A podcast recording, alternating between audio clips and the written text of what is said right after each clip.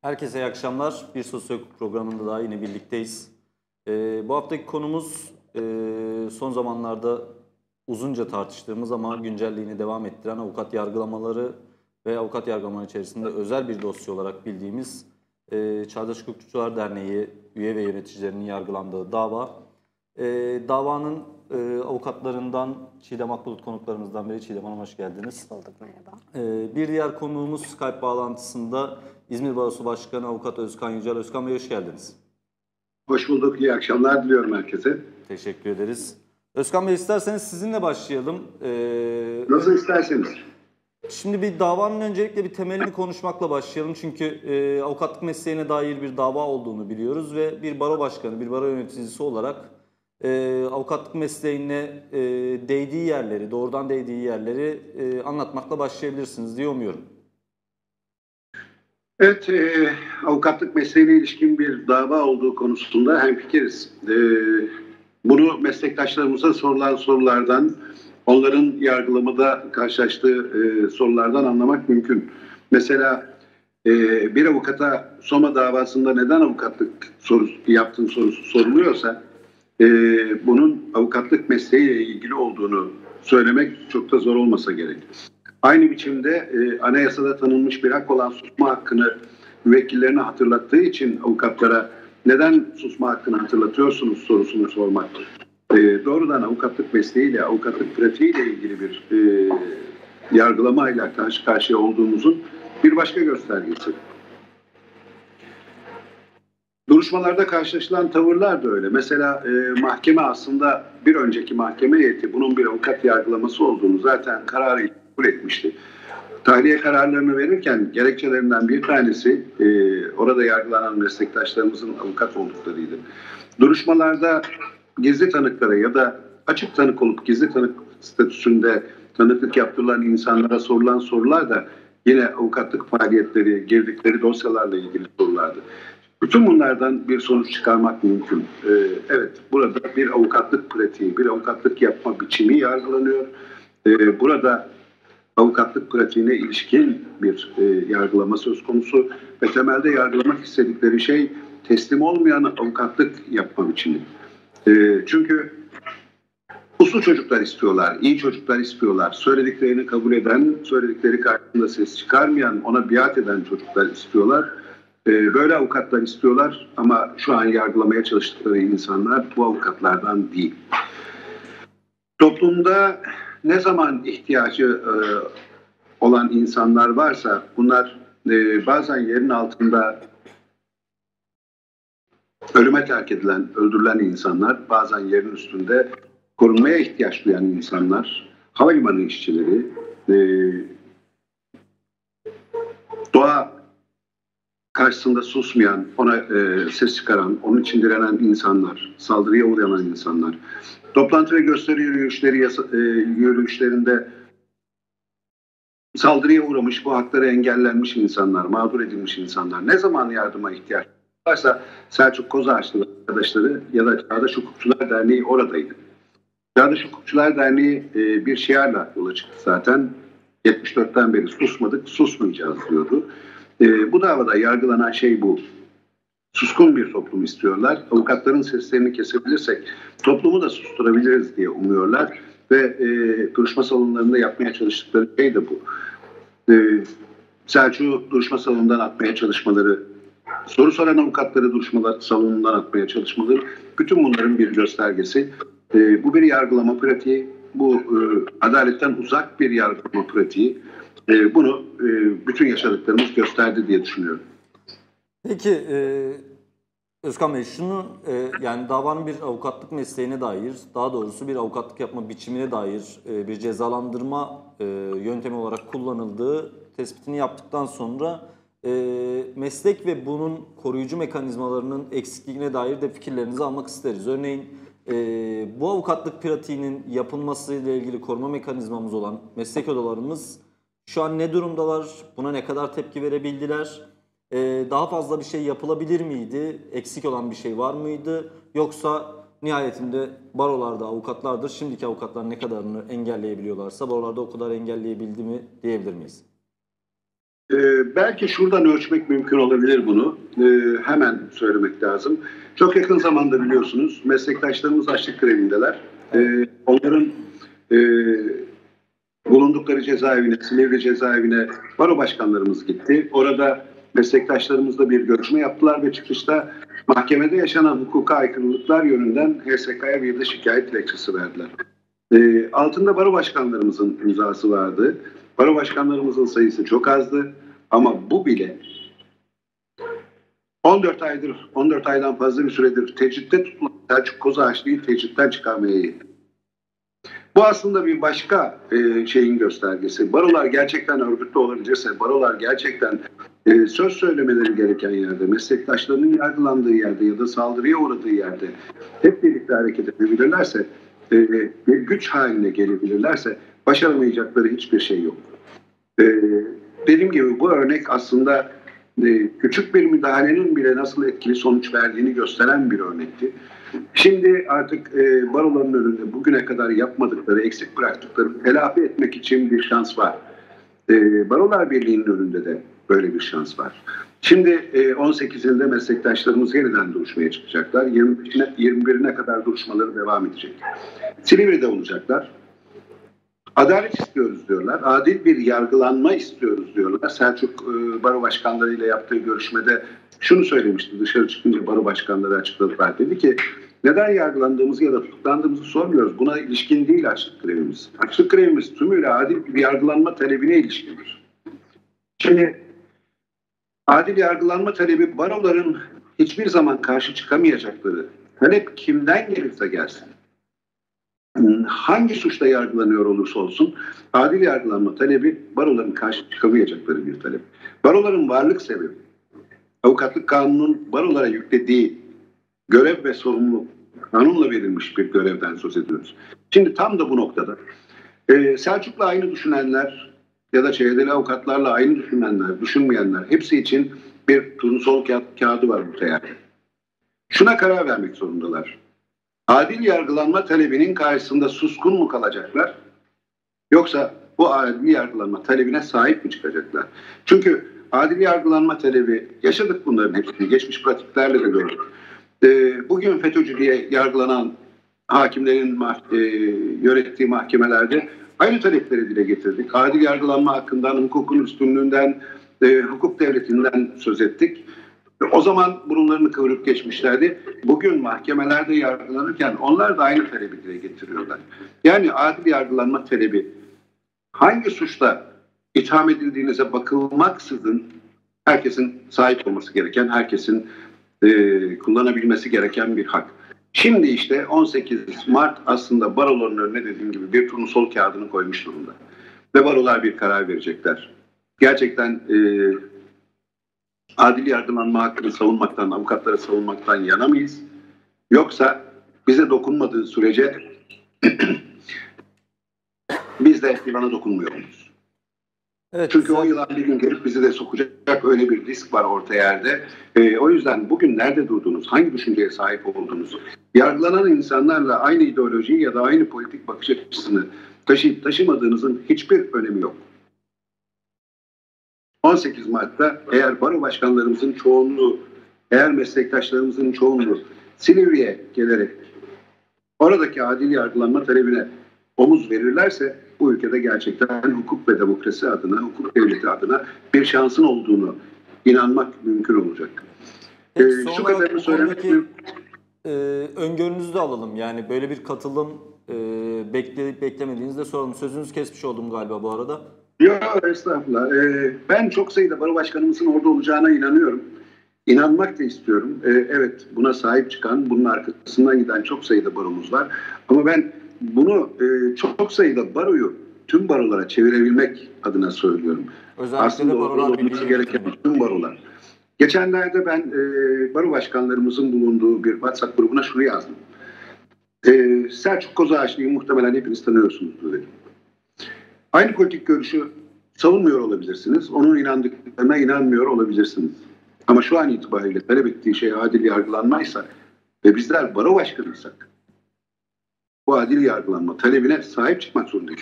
Belki aralarında da baro başkanlarımızın oradaki yargılamanın adil yürüdüğü konusunda bir düşünce taşıyanları da olabilir. Buna da e, uzaktan baktıkları, gerçekten orada yaşananları görmedikleri için bunu da anlamak mümkün olabilir. Ama bu durumda da o baro başkanlarımıza düşen sorumluluk bence şudur. Gerçekten bu kadar isyanın, bu kadar feryadın altında hukuka aykırı bir yargılama olup olmadığını gelip kendi gözleriyle görmek zorundalar. Çünkü ancak o salona girdiklerinde avukatlara söz verilip verilmediğini, avukatların hangi koşullarda dışarı atıldığını, avukatların nasıl susturulmak istendiğini, sanıklara nasıl davranıldığını, gizli olmayan tanıkların gizli tanık statüsüne nasıl sokulduklarını ancak o duruşma salonunun içerisinde görmeleri mümkün. O yüzden de yani e, dediğim gibi hangi siyasi görüşe, hangi e, ideolojiye, hangi yaklaşıma sahip olursa olsun bütün baro başkanlarının orada olması bir görevdir diye düşünüyorum. Türkiye'nin e, e, baro başkanlarına şu an bulunduğumuz gündemin baro başkanlarına yüklediği görev budur diye düşünüyorum. Çok sayıda başkanımız olacak ama umuyorum ki tüm baro başkanlarımız orada olur. Peki Özkan Bey, e, ekleyeceğiniz başka bir şey yoksa size teşekkür edip e, diğer konumuza dönebiliriz. Ben teşekkür ediyorum. İyi yayınlar diliyorum. Ee, buradan tekrar edip bir başka duyuruyu da ben yapayım istiyorum. Tabii. Ee, adalet nöbeti tam da işte e, tutuklu meslektaşlarımız adil yargılanma hakkı için açlık grevinde olan meslektaşlarımızın bulunduğu bir ortamda yine önümüzdeki hafta ayın 20'sinde havalimanı işçilerinin yargılaması var. Evet. Ayın 20'sinde Türk Tabipler Birliği Merkez Konseyi'nin savaş bir halk sağlığı sorunudur dedikleri için yargılandıkları dosya var. Yani gündemimiz ağır, gündemimiz sorunlu, gündemimiz sıkıntılı ilerliyor. Bütün bunlar adalete olan ihtiyacı çok daha üst noktaya çekmiş durumda. 14 Mart e, Adalet Nöbeti meşalesinin İzmir'de yanacağı gün. Ben bu e, program vesilesiyle de bütün meslektaşlarımı, bütün adalet arayanları, adalet evini yükseltenleri 14 Mart'ta İzmir Adliyesi'nde bulunmaya, saat 12'de İzmir Adliyesi'nde bulunmaya çağırıyorum. İyi yayınlar diliyorum. Sağlıkla kalın. Teşekkür ederiz. Ağzınıza sağlık Özkan Bey. İyi akşamlar. İyi akşamlar. Evet Özkan Bey'in de Adalet Nöbeti çağrısını da duyurmuş olduk bu vesileyle. Şimdi Çiğdem Hanım'a dönelim. Ee, Çiğdem Hanım genel olarak davanın avukatlık mesleğine yönelik bir dava olduğu, doğrudan mesleki bir e, yargılama yapıldığı, yani suç isnadının ötesinde şeylerle uğraştığımız konusunda bir tespit yaptık Öz, e, Özkan Bey'le. Sizde de davanın içeriğine dair tartışmaları biraz daha ilerletelim. Öncelikle şu anda davada ne durumdayız, hangi aşamadayız bununla başlayabiliriz. Ee, davanın yalnızca üçüncü e, duruşması görülecek aslında. Pazartesi günü itibariyle üçüncü duruşmasına e, başlayacağız.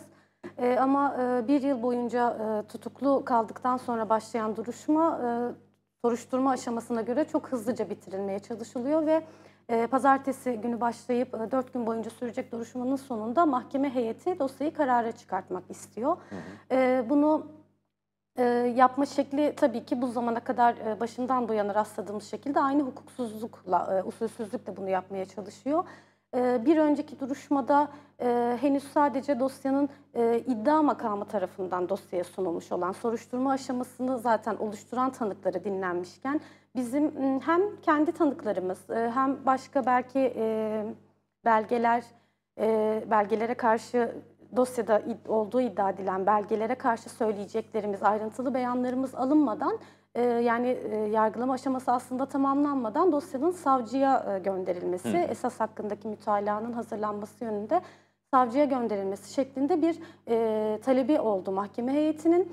E, bizim taleplerimizi beklemeden kendi ara kararına aykırı olarak son duruşmada önce bizim taleplerimizi alacağını e, reddetmesi halinde savcıya göndereceğini söylemişti. Ancak bizim taleplerimiz daha dosyaya girmeden savcıya e, gönderdi.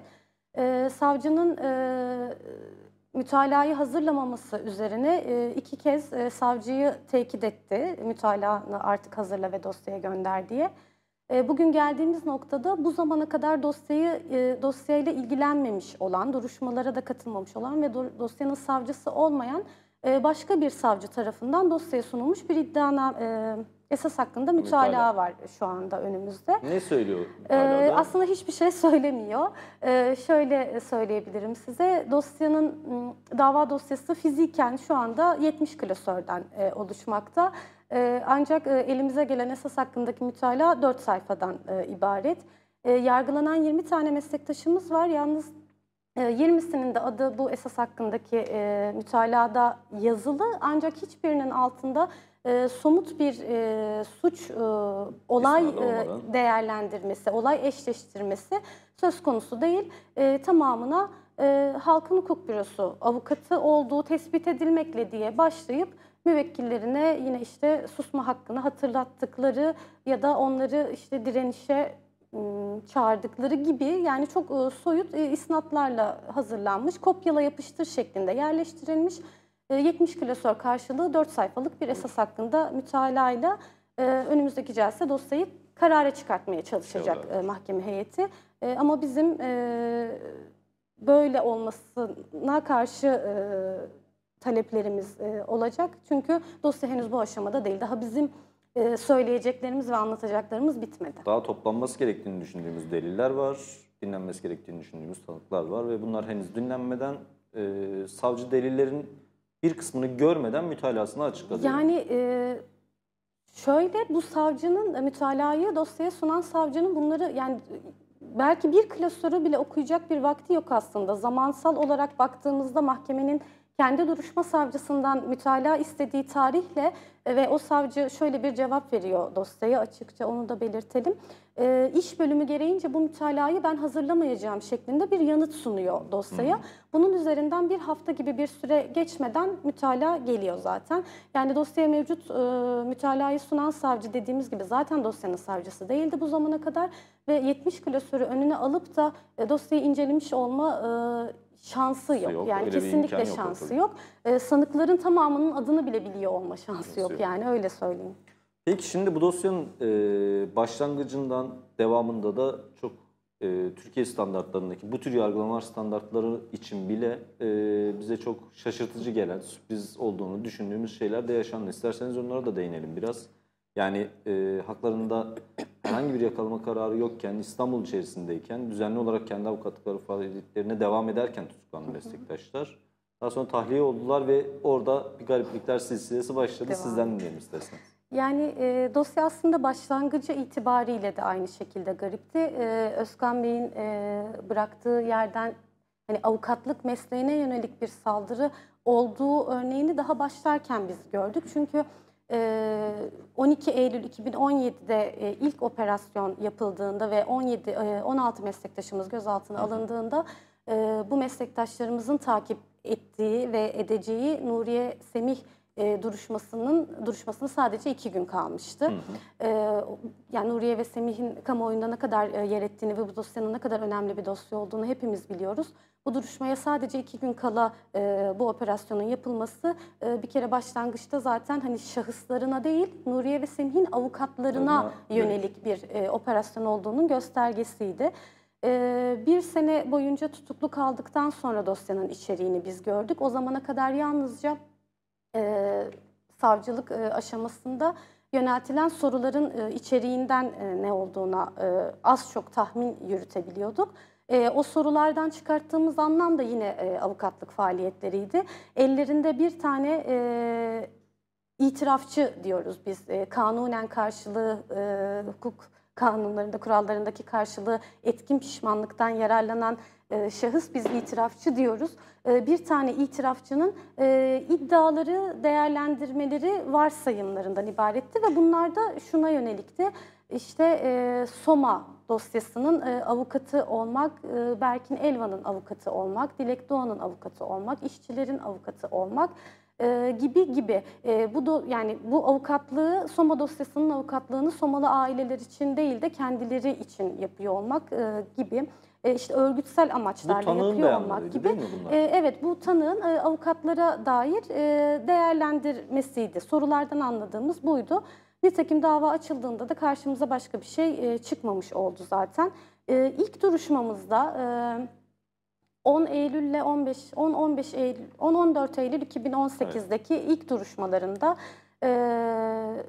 tutuklu meslektaşlarımızın tamamı mahkeme heyetine iddianamede yer alandan aslında çok daha fazlasını anlattılar. Orada yazılmayanlar da vardı. Evet işte Somalı avukatların nasıl, e, Somalı madencilerin nasıl e, avukatıysak e, sizin görmediğiniz Ermenik'teki madencilerin de biz avukatlığını yaptık. Zonguldak'ta da yaptık gibi gibi e, iddianamede e, atlanmış e, birçok e, şeyi olarak sizin suç daha anlattığınız şeyi az bile yazmışsınız diyerek aslında e, birçok e, şeyi anlattılar ve evet avukatlık mesleğini bu şekilde yaptıklarını e, çok uzun uzun, çok detaylandırarak mahkeme heyetine anlattılar ve e, 14 Eylül'deki heyetten aldığımız tahliye kararı da bunun karşılığıydı. E, evet bu insanlar avukatlık yapıyor e, ve evet e, avukatlık e, faaliyetleri, e, bu anlattıkları dosyadakilerde avukatlık faaliyetleri, e, Avrupa İnsan Hakları e, Mahkemesi'nin kararlarına e, dayanan e, ve çok güzel gerekçelendirilmiş bir kararla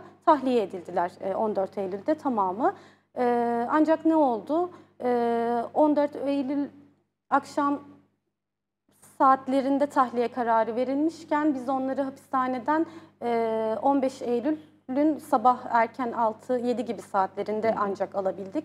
E, 6-7 saatten fazla bir süre hapishanede aslında rehin e, tutuldular. E, ve akabinde cumartesi günü olmasına rağmen günlerden e, savcı dosyaya itirazını e, sundu. Savcının itirazını tekrar ediyorum günlerden cumartesi olmasına rağmen ve artık e, mesai saatinde 36 olmamasına rağmen. 37. Ağır Ceza Mahkemesi artık görevli değilken mesai saatleri dışında olmasına rağmen e, 37. Ağır Ceza Mahkemesi dosyayı savcının itirazı üzerinden değerlendirdi ve aynı heyetin, aynı üyeleri yani 10 saat önce tutuk, e, tahliye kararı veren aynı üyeler e, bu kez e, arkadaşlarımızın e, bir kısmı için yeniden e, tutuklama kararı, tutuklamaya yönelik yakalama kararı diye hukuk e, literatürümüzde de olmayan bir e, karar çıkarttılar. E, verdikleri tahliye kararının e, karşılığı ya bu karardan nasıl döndüklerinin ayrıntılarını e, çok tabii ki bilmiyoruz. Tabii ki tahminlerimiz yürütülüyor, e, tahminler yürütüyoruz. Yani yargılamanın siyasi bir yargılama e, olduğu çok açık olduğu için onların üzerinde de e, siyasi bir baskı olduğu Onlar çok açık. zamanımızı bence onlarla Ve harcamayalım. Çünkü- görevlerinden e, alındılar. En son öyle Evet. bitireyim. Yani tekrar tutuklama kararı verildik. Vermek de onları kurtarmadı. E, hemen yaklaşan, takip eden günler içerisinde de e, farklı farklı mahkemelere e, kıdem tenziline de uğrayarak e, sürüldüler, Evet. gönderildiler. Peki e, elbette ki mahkeme başka üyelerle birlikte devam etti E, ve o üyeler geldiklerinde yakalamaları hatta e, yine bu yakalama kararı üzerine adliyeye gelen meslektaşlarımızı tutukladılar. E, bir 24 saat önce verilen kararın yeterli olmadığını, e, bu avukatların kaçacaklarını düşündüklerini falan neyse başka şeyler yazarak e, geri dönen meslektaşlarımızı mahkeme salonunda gözaltına almak suretiyle ayrıca tutuklama kararı verdiler. Bu yeni gelen heyetin e, verdiği kararı nasıl değerlendirirsiniz? Ya da e, yeni gelen heyet Heyetin. nasıl oluşturuldu ona da belki değinmek lazım. Ee, yeni gelen heyet bize e, çok şey anlatıyor aslında. Ee, Selçuk Selçuk abi tutuklama kararı üzerine adliyeye e, kendisi geldi ve mahkeme salonuna çıkmadan önce bir takım beyanlarda bulunmuştu zaten. E, bu kararın nasıl hukuksuzca bir karar olduğuna ve hani bu, bunu yüzlerine vurmak için e, aslında gelmişti adliyeye. E, bir başka bir meslektaşımızın o sırada Çanakkale'de yakalanan yani ev, yakalanmak da değil yani evindeyken gelip tekrar e, Polislerin gözaltına aldığı. e, aldığı meslektaşımızın sorgusu devam ederken e, o dosyanın yine duruşması açıkken Selçuk Kozaçlı salona girdi. Mahkeme ne yapacağını şaşırdı. E, salondan kaçtı tabiri caizse. E, arkasından e, bizler salondan dışarıya atıldık vesaire derken duruşma salonunun içerisinden Selçuk abi gözaltına alındı. Bir geceyi tekrar temde geçirmek zorunda kaldı. Evet. Ertesi gün geldiğinde e, karşımızda yeni bir e, heyet vardı. E, mahkemenin başkanı e, Akın Gürlek, biz kendisini 26. Ağır Ceza Mahkemesi'nden de aslında başkaca dosyalar sebebiyle, yine yürüttüğü siyasi yargılamalar sebebiyle e, biliyorduk. Bunun içerisinde Selahattin Demirtaş'la Sırrı Süreyya Önder'e verilen ceza kararı var. Ayım kararına rağmen Selahattin Demirtaş'ın şu an Evet, hapiste kalmasını sebep e, olan e, dosya. e, İhsan Eli Açık kararı var. Bizim benim aslında hatta şahsen birebir deneyimlediğim bir e, Berkin Elvan e, cenazesine katılan e, tutuklu öğrenci Berkay Ustabaş'ın e, duruşması var. E, bu dosyalardan biz e, bir hukuksal yargılama, hukuki bir yargılama beklememiz gerektiğini e, biliyorduk aslında Akın Gürley'i gördüğümüz anda. Tahminimizde de yanılmadık. E, duruşma o gün Selçuk abiyi e, avukatsız tutukladı. Biz henüz Selçuk abiyle görüşememişken, bir avukat görüşü yapamamışken e, bunu buna yönelik taleplerimizi e, ileri sürdüğümüzde bizi duruşma salonundan atarak ve yine CMK kurallarına aykırı şekilde Selçuk Kozaççı'yı o gün e, avukatsız tutuklayarak başladı. Savunması yapılmaksızın. Savunması yapılmaksızın tutuklayarak e, başladı zaten. E, ikinci duruşmaya geldiğimizde e, tanıkları e, dinlemeye e, başladı. Burada e, özellikle aslında değinilmesi yani anlatmamız ve insanların bilmesi gereken e, çok fazla nokta var. Çok fazla usulsüzlük var ama bu dosyanın e, bel kemiğini belki de oluşturan polisler tarafından oluşturulurken dayanılan e, bu itirafçımız e, Berk Ercan e, aralarında enteresan bir ilişki var. Yani Berk Ercan dediğimiz şahıs ağır silahlarla bir evde yakalanıyor. Bu süreç böyle başlıyor. Ağır silahlarla bir evde yakalanıyor ve o operasyon, kendi yakalandığı operasyon sonrasındaki tutuklamasını gerçekleştiren suç ceza hakimi Akın Gürlek. Ee, akabinde e, yargılandığı üyelik dosyaları var. Tutuklu kaldığı 36 ağır cezadaki bir dosyası var. E, o dosya bir şekilde yargı, e, istinaftan bozulup 26 ağır cezadaki başka bir dosyayla yine birleşiyor ve 26 ağır cezada Akın Gürlek başkanken yine aynı yani bu örgütle alakalı e, bildiklerini bir kez 26. Ağır Ceza Mahkemesi'nde dinliyor başkanken. 37 e, ağır cezada bizim dosyamız açıldığında da birdenbire e, Akın Gürlek 37 ağır cezanın başkanı oluveriyor. Yani Berkercan nereye gidiyorsa Akın Gürlek onu takip ediyor gibi bir durum söz konusu. E, aralarında iyi bir ilişki olduğunu dosyayı siyasi olarak takip edenler de fark etmişler mutlaka. Ve iyi bir ilişki de var aralarında gerçekten. Çünkü aynı hakim, Akın Gürlek kendisini suç cezada da dinlediği için, 26 ağır cezada da dinlediği için ee, biz 37. Ağır Ceza Mahkemesi'ndeki yargılamamızda Berk Ercan'ı sorguya çektiğimizde, tanık sorgusunu biz yaptığımızda, sorularımızı sorduğumuzda e, ne zaman ki bu aşamaların tamamında Berk Ercan'ın birbiriyle çelişen ve zaten kendi ifadesiyle de işte suç cezadaki ifademi kabul etmiyorum, o yanlıştı dediği, 26'dayken 36'dakini kabul etmiyorum dediği beyanları var. Biz 37. ağır cezada kendi yargılamamızda bu çelişkileri ortaya çıkartmaya çalıştığımız anda soru yani sorumuzun gelişinden belki de Akın Gürlek e, müdahale edip e, sorularımızı sormamıza engelliyor. E, sorunun gideceği yeri değiştirmeye çalışıyor, yönlendirmeye çalışıyor. Ve nitekim bunu e, soru soran avukatları ve çelişkiyi ortaya çıkartan avukatları duruşma salonundan e, atmaya e, kadar e, götüren e, bir Aslında heyet. bir nevi gerçekten de tanık koruma programı gibi. Tanık yani... koruma programını şu an Akın Gürlek kendisi uyguluyor gibi bir durum söz konusu. Evet, e, başka bir e, tanık var. E, örneğin 2013'te de biliyorsunuz avukat arkadaşlarımız evet. tekrar tutuk, yine tutuklanmışlardı. Hemen hemen aynı aynı iddialarla ona birazdan başka bir noktada belki biraz daha detaylandırırım ama tam bu tanık noktasında 2000 aslında 2013 dosyasının tanığı olan ve bu dosyada hiç adı dahi geçmeyen başka bir tanığı kendi e, mahkemesindeki başka bir dosyadan dolayı bildiği için kendince bu dosyaya çağırıp e, bu dosyada da dinliyor. Yani 2013 dosyasının bir tanığını bu dosyada adı hiç geçmemesine rağmen çağırıp İddianamede dinleyip tanık olarak gösterilmemesine, gösterilmemesine rağmen, rağmen e, ve hani savcılıktan bir talep vesaire bunlar olmamasına rağmen kendince tanık çağırıp e, kendince e, dinliyor. Tanıklarla arası e, iyi mahkeme başkanımızın. Kendi başkanı. tanıklarıyla arası e, iyi diyebiliriz. Peki e, aşağı yukarı 5 dakikamız falan kaldı aslında. E, şimdi önümüzde bir duruşma var e, ve karar vereceğini tahmin ediyoruz bu duruşmada. E, savcılık mütalasını açıkladı. Bu duruşmada e, savunma yapılacak ve nihai olarak da karar verilecek. Şimdi önce bir e, tahmininizi yani karara ilişkin öngörünüzü alalım. Daha sonra da elbette ki bunun şeyden ibaret yani bir yargılamadan ibaret olmadığı, daha doğrusu duruşma salonundaki yargılamadan ibaret olmadığına dair tespitleri de yaptık. Ona ilişkin bir çağrınız ya da söylemek istediğiniz bir söz varsa onları da alarak programı kapatacağız. Yani e, şöyle çok kısaca toparlamaya çalışayım. Bu dosyanın hukuksuzları gerçekten e, anlatarak yani bitirebileceğimiz noktada değil. Şu an Evet. vaktimiz olsa verebileceğim çok daha fazla örnek vardı aslında ama e, dosyaya dair kısaca şunları söylemek gerekirse bu dosya açıldığında temel olarak üç tane delile dayandığını görüyoruz. Sözde dayandırdıklarını. Bir tanesi bu bahsettiğim itirafçı beyanları. Bir tanesi bir kültür merkezinden ele geçirildiği iddia edilen dijital e, deliller. Ee, ve e, her ne kadar delil değil deseler bile 2013 operasyonundaki Dosyanın- e, dosyanın kendisi. E, bu sadece e, intiba olsun diye koydum dosyaya demiş soruşturma savcısı ama öyle değil meslektaşlarımız da o dosyayı da gerekçe göstererek e, tutukladı aslında. E, nitekim e, ne bu tanığın bahsettiğimiz itirafçıların dinlenme şekilleri usulüne uygun e, farklı zamanlarda dinleniyorlar. Bir kere dinleniyor örneğin Berk Ercan dediğimiz şahısı e, Nuriye Semih duruşmasından ilk defa orada dinledik.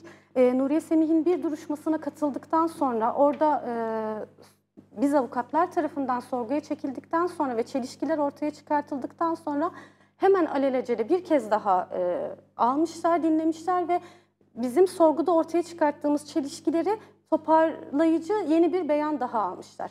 Bizim dosyamızda da aynen e, bu geçerli.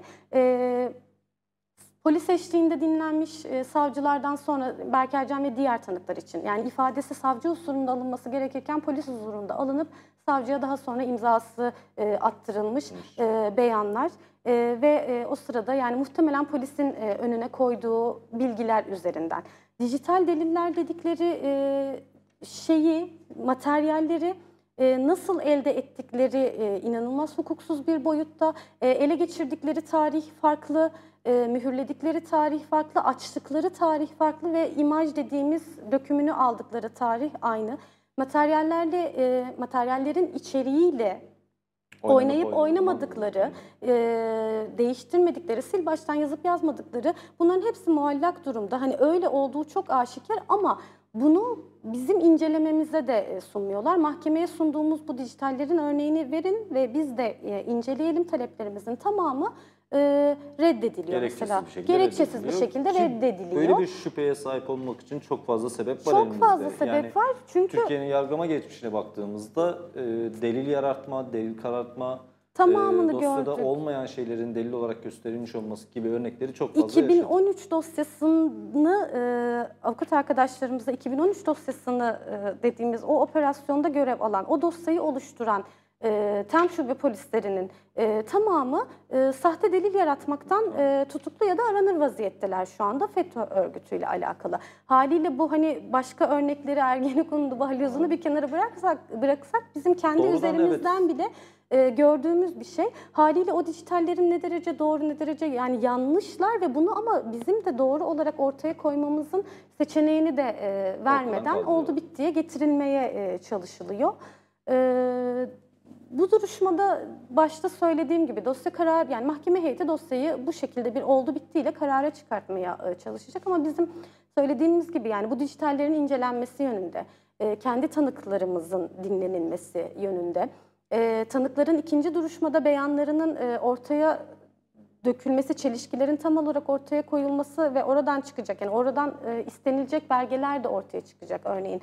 Böyle böyle söyledi ama o tarihte işte hapishanede birlikte yattım dediği insanla aslında birlikte yatmaması Mesela. gibi. O O tarihlerde somutlaştırılabilir çok şeyler. fazla somut e, şeyler var. E, bu taleplerimizin e, tamamını biz e, dile getireceğiz.